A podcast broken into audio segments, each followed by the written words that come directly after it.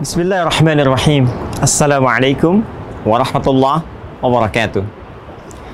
Alhamdulillahi rabbil alamin. Wassalatu wassalamu ala sayyidina Muhammadin wa ala alihi wa sahbihi wa dhurriyyatihi wa ummatihi ila yaumiddin. Wa ba'du.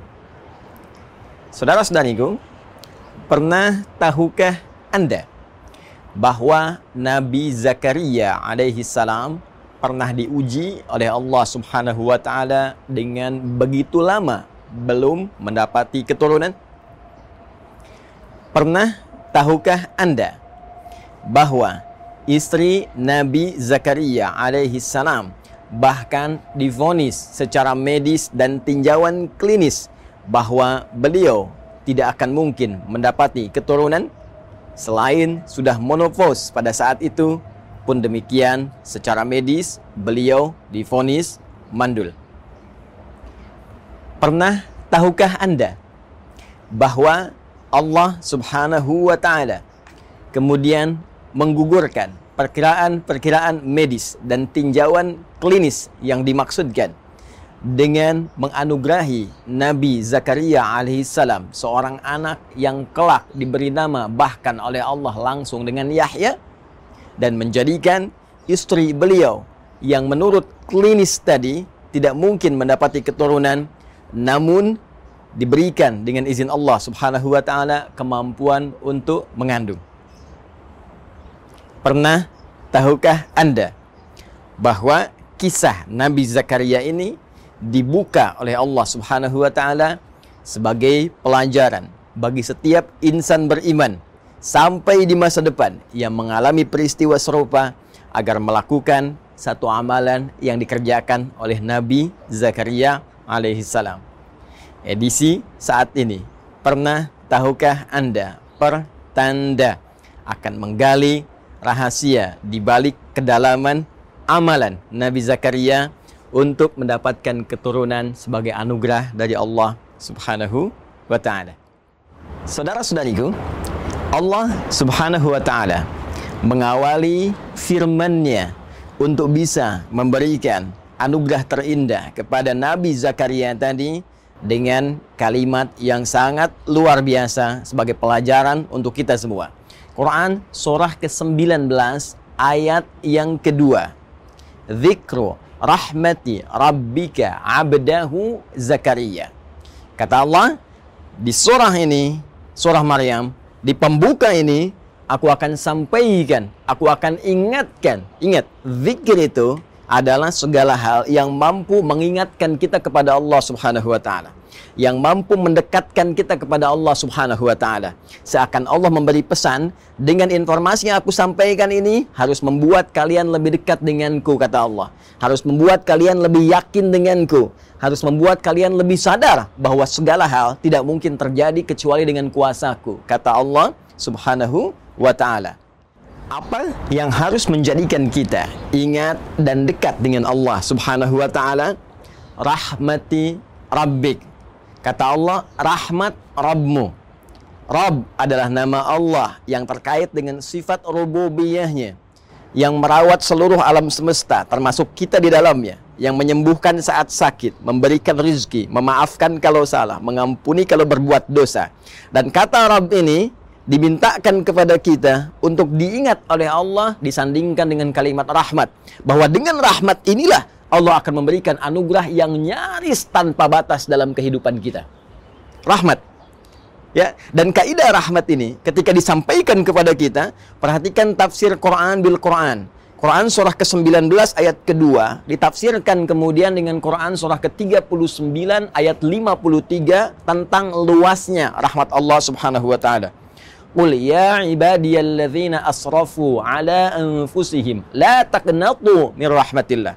Dalam kaidah dosa saja, jika seseorang berbuat dosa yang sangat melimpah, israf, itu dosa yang melimpah, ya yang melewati batas. Bahkan kalau makan, Anda datang ke pernikahan, ada prasmanan, orang sekali, Anda sepuluh kali, itu israf.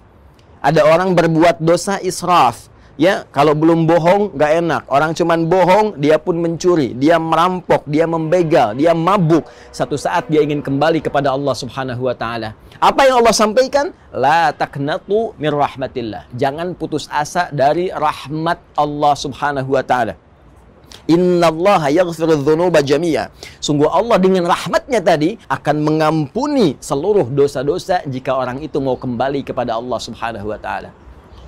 Jadi kaidah rahmat di ayat tadi seakan ingin memberikan gambaran kepada Allah adalah berupa anugerah Allah yang begitu luas sifatnya. Bahkan sampai ke titik pengampunan dosa tanpa batas jika hamba mau kembali kepada Allah Subhanahu wa taala. Terkait dengan kasus Nabi Zakaria alaihi salam, seakan Allah memberikan gambaran kepada kita. Jika Anda mengalami situasi apa pun, termasuk merasakan lambatnya keturunan, kenapa belum ada tanda-tanda positif, kenapa sudah bertahun-tahun belum mendapati keturunan. Hei, sadar, bukan Anda saja. Dulu pun bahkan ada seorang nabi yang rajin ibadah, rajin doa, tapi mendapati ujian yang serupa. Jika beliau saja tidak putus asa dengan rahmat Allah, kenapa Anda mesti mengeluh? Maka kaidah pertama dalam Al-Quran, jika ingin dikabulkan, jika ingin harapan itu terjadi, maka yang pertama kaidahnya, jangan pernah merasa putus asa dengan rahmat Allah. Jangan pernah mengeluh kepada Allah. Jangan berprasangka buruk kepada Allah subhanahu wa ta'ala. Jelas, Quran surah kedua, ayat 216. Kutiba alaikumul qitalu wa huwa kurhul lakum. Hei, diwajibkan atasmu berperang dan perang yang paling kuat adalah perang melawan perasaan Anda, perang melawan nafsu. Eh, jangan berprasangka yang buruk. Jauhkan sifat-sifat jelek dalam jiwa kita.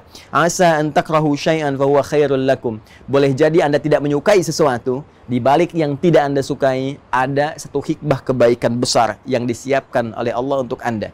Wa asa an tuhibbu syai'an wa huwa syarrul lakum. Boleh jadi Anda mengharap-harap, menginginkan yang terbaik menurut Anda, di balik itu ada keburukan yang tidak Anda ketahui akan menimpa Anda. Wallahu ya'lamu wa antum la ta'lamun. Karena Allah Maha mengetahui masa depan, sedangkan daya pandang, daya tangkap Anda hanya untuk saat ini saja. Belum selesai, saudara-saudariku. Lalu Allah kemudian menyambungkan kalimatnya, abdahu Zakaria bisa saja Allah langsung berfirman Zakaria. Tapi ketika disambungkan dengan kalimat abdun, abdun itu adalah gelar tertinggi yang diberikan oleh Allah pada setiap insan beriman, makhluknya yang bernama manusia yang mau mendekatkan diri kepada Allah Subhanahu wa taala dengan puncak ibadah. Puncak ibadah. Perhatikan, Nabi Muhammad sallallahu alaihi wasallam ketika diundang oleh Allah dalam peristiwa Isra Mi'raj itu yang disebutkan bukan gelar kenabiannya ya ayuhan nabi. Yang disebutkan bukan gelar prestisius kerasulannya ya ayuhar rasul. Tapi yang disebutkan kalimat abdunnya Subhanalladzi asra bi abdihi laila minal masjidil haram ilal masjidil aqsa alladzi barakna haula Quran surah ke-17 ayat yang pertama. Abdun menunjuk pada sifat ubudiyah Abdun menunjuk pada sifat penghambaan. Karena itu jika Anda ingin mendapatkan rahmat Allah tadi yang tanpa batas, maka tingkatkan ibadah Anda kepada Allah Subhanahu wa taala. Bukankah Rasulullah SAW yang sudah jelas saja surganya masih menunaikan sholat malam? Masih memperbanyak ibadah-ibadah yang dipandang hukum sebagai sunnah? Lalu bagaimana dengan ibadah Nabi Zakaria alaihi salam yang dengan itu beliau mendapatkan rahmat Allah Subhanahu wa taala yang merubah seluruh perkiraan-perkiraan medis tadi. Perhatikan kalimat Al-Qur'annya. Kemudian kita lanjutkan ke ayat yang ketiga.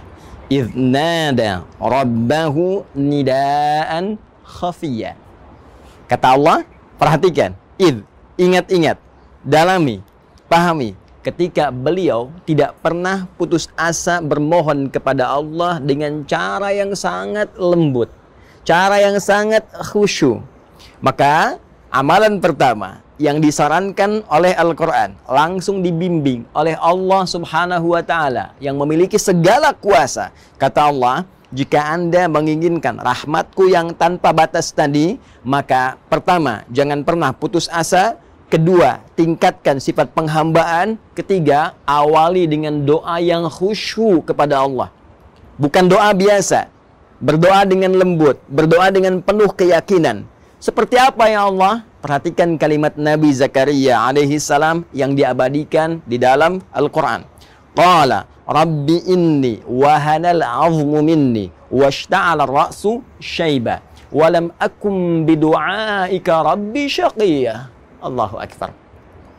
Khusyu, lembut, halus, dalam.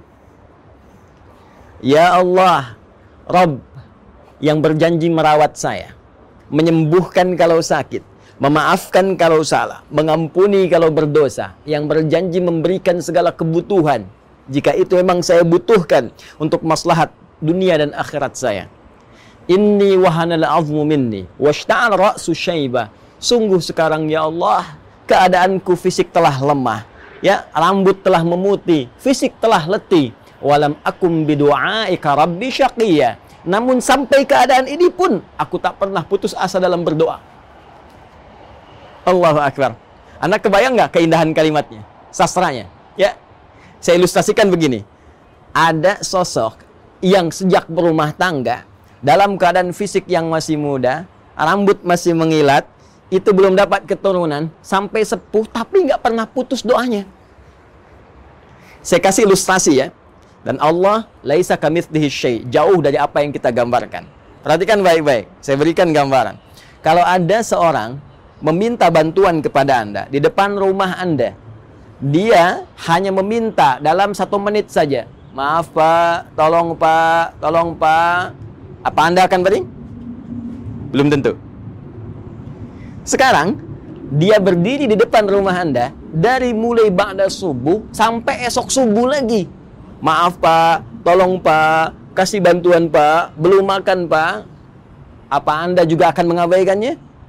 Demi Allah saya katakan, jiwa kita sebagai manusia pasti akan terpanggil untuk meresponnya. Jadi kalau manusia saja dengan segala keterbatasannya mau merespon, apalagi Allah yang sangat luas pemberiannya. Jadi cari doa yang dalam. Cari doa dengan bahasa yang menyentuh, ya. Ya Allah, aku telah berusaha seperti apa yang telah engkau perintahkan. Maka mohon kabulkan seperti apa yang telah engkau janjikan. Jika dengan semua ini belum mampu mengabulkan apa yang telah engkau kuasakan, Ya Allah, maka tunjukkan kepada hamba dengan cara apa lagi hamba mesti berikhtiar kepadamu. Dalam, kan? Dan belum selesai kalimat Al-Qur'annya. Wa inni khiftul mawaliya mi warai dan aku khawatir ya Allah, kenapa aku begitu memohon? Aku khawatir kalau perjuanganku untuk ibadah selama ini tidak ada yang meneruskan ya Allah.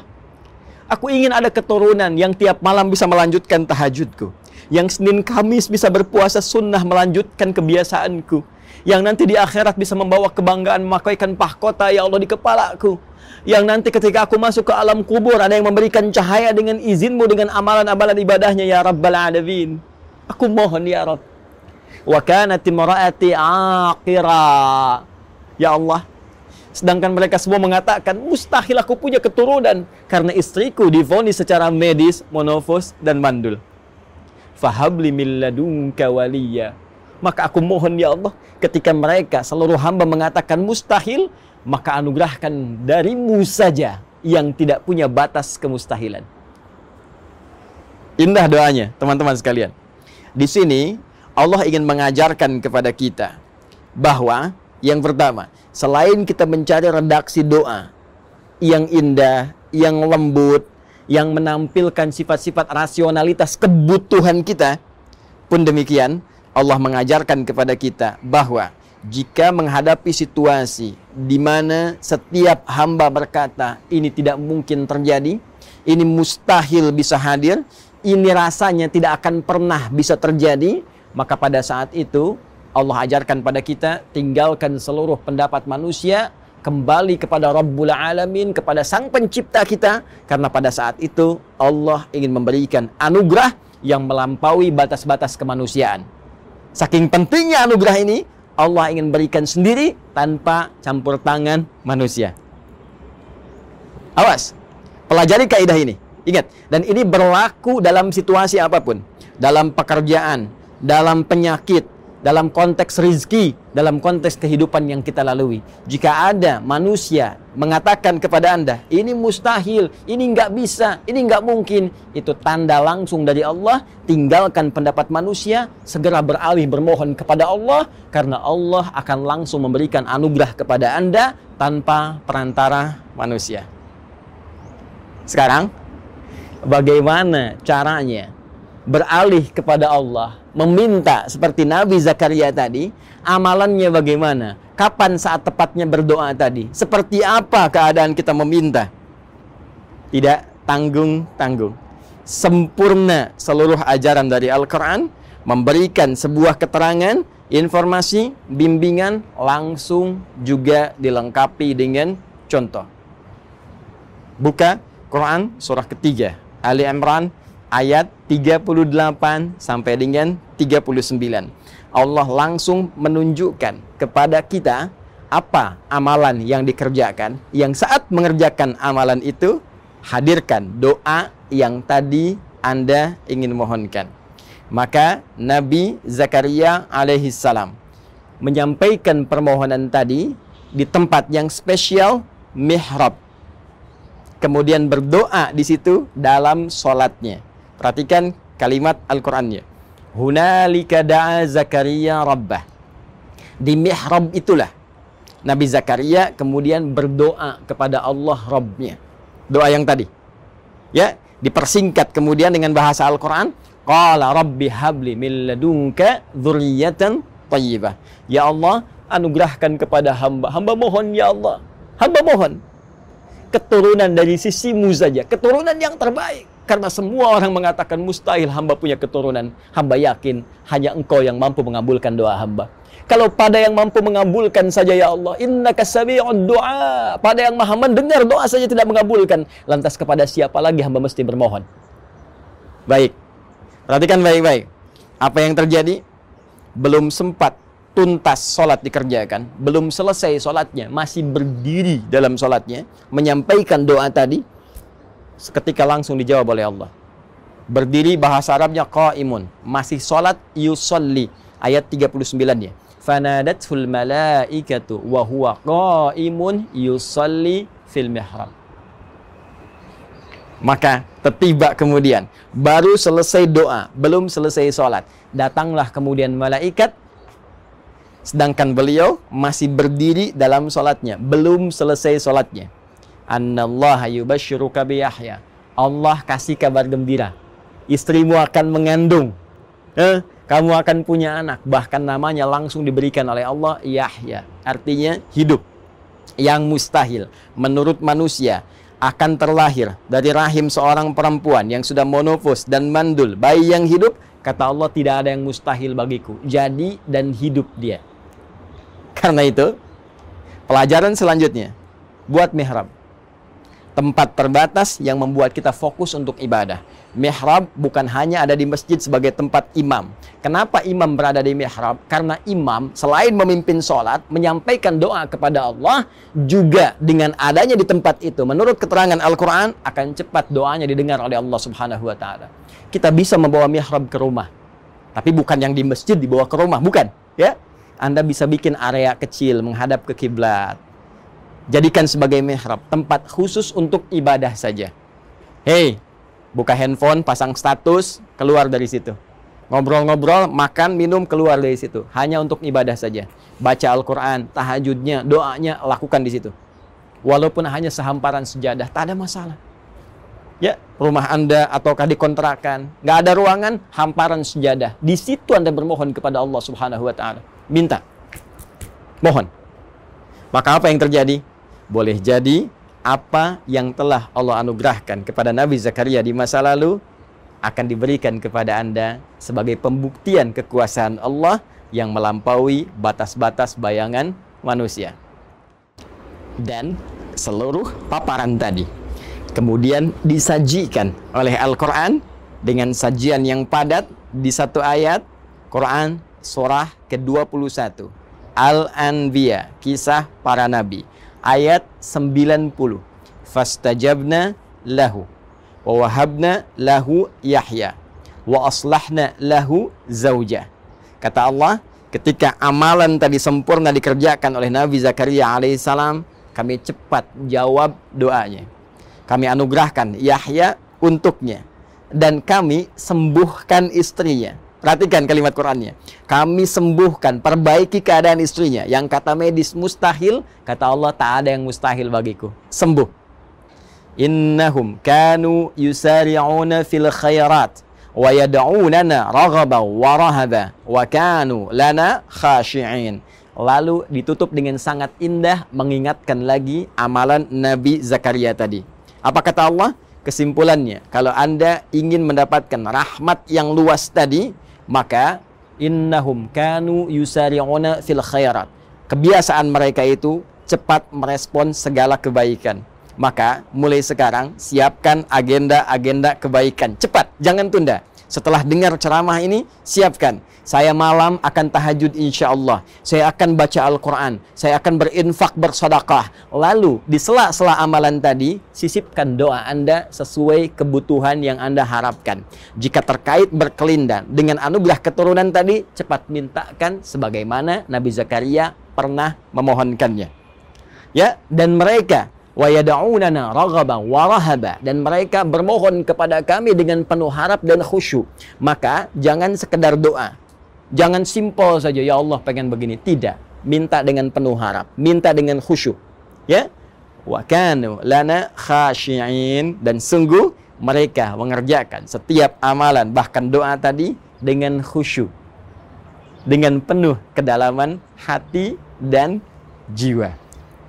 Saudara-saudariku, itulah Nabi Zakaria dengan segala contoh yang telah Allah sampaikan dalam uraian firman-Nya menjadi sebuah titian kepada kita yang memberikan sebuah harapan dengan jaminan kebenaran yang dipastikan. Pernah tahukah Anda? Assalamualaikum warahmatullahi wabarakatuh.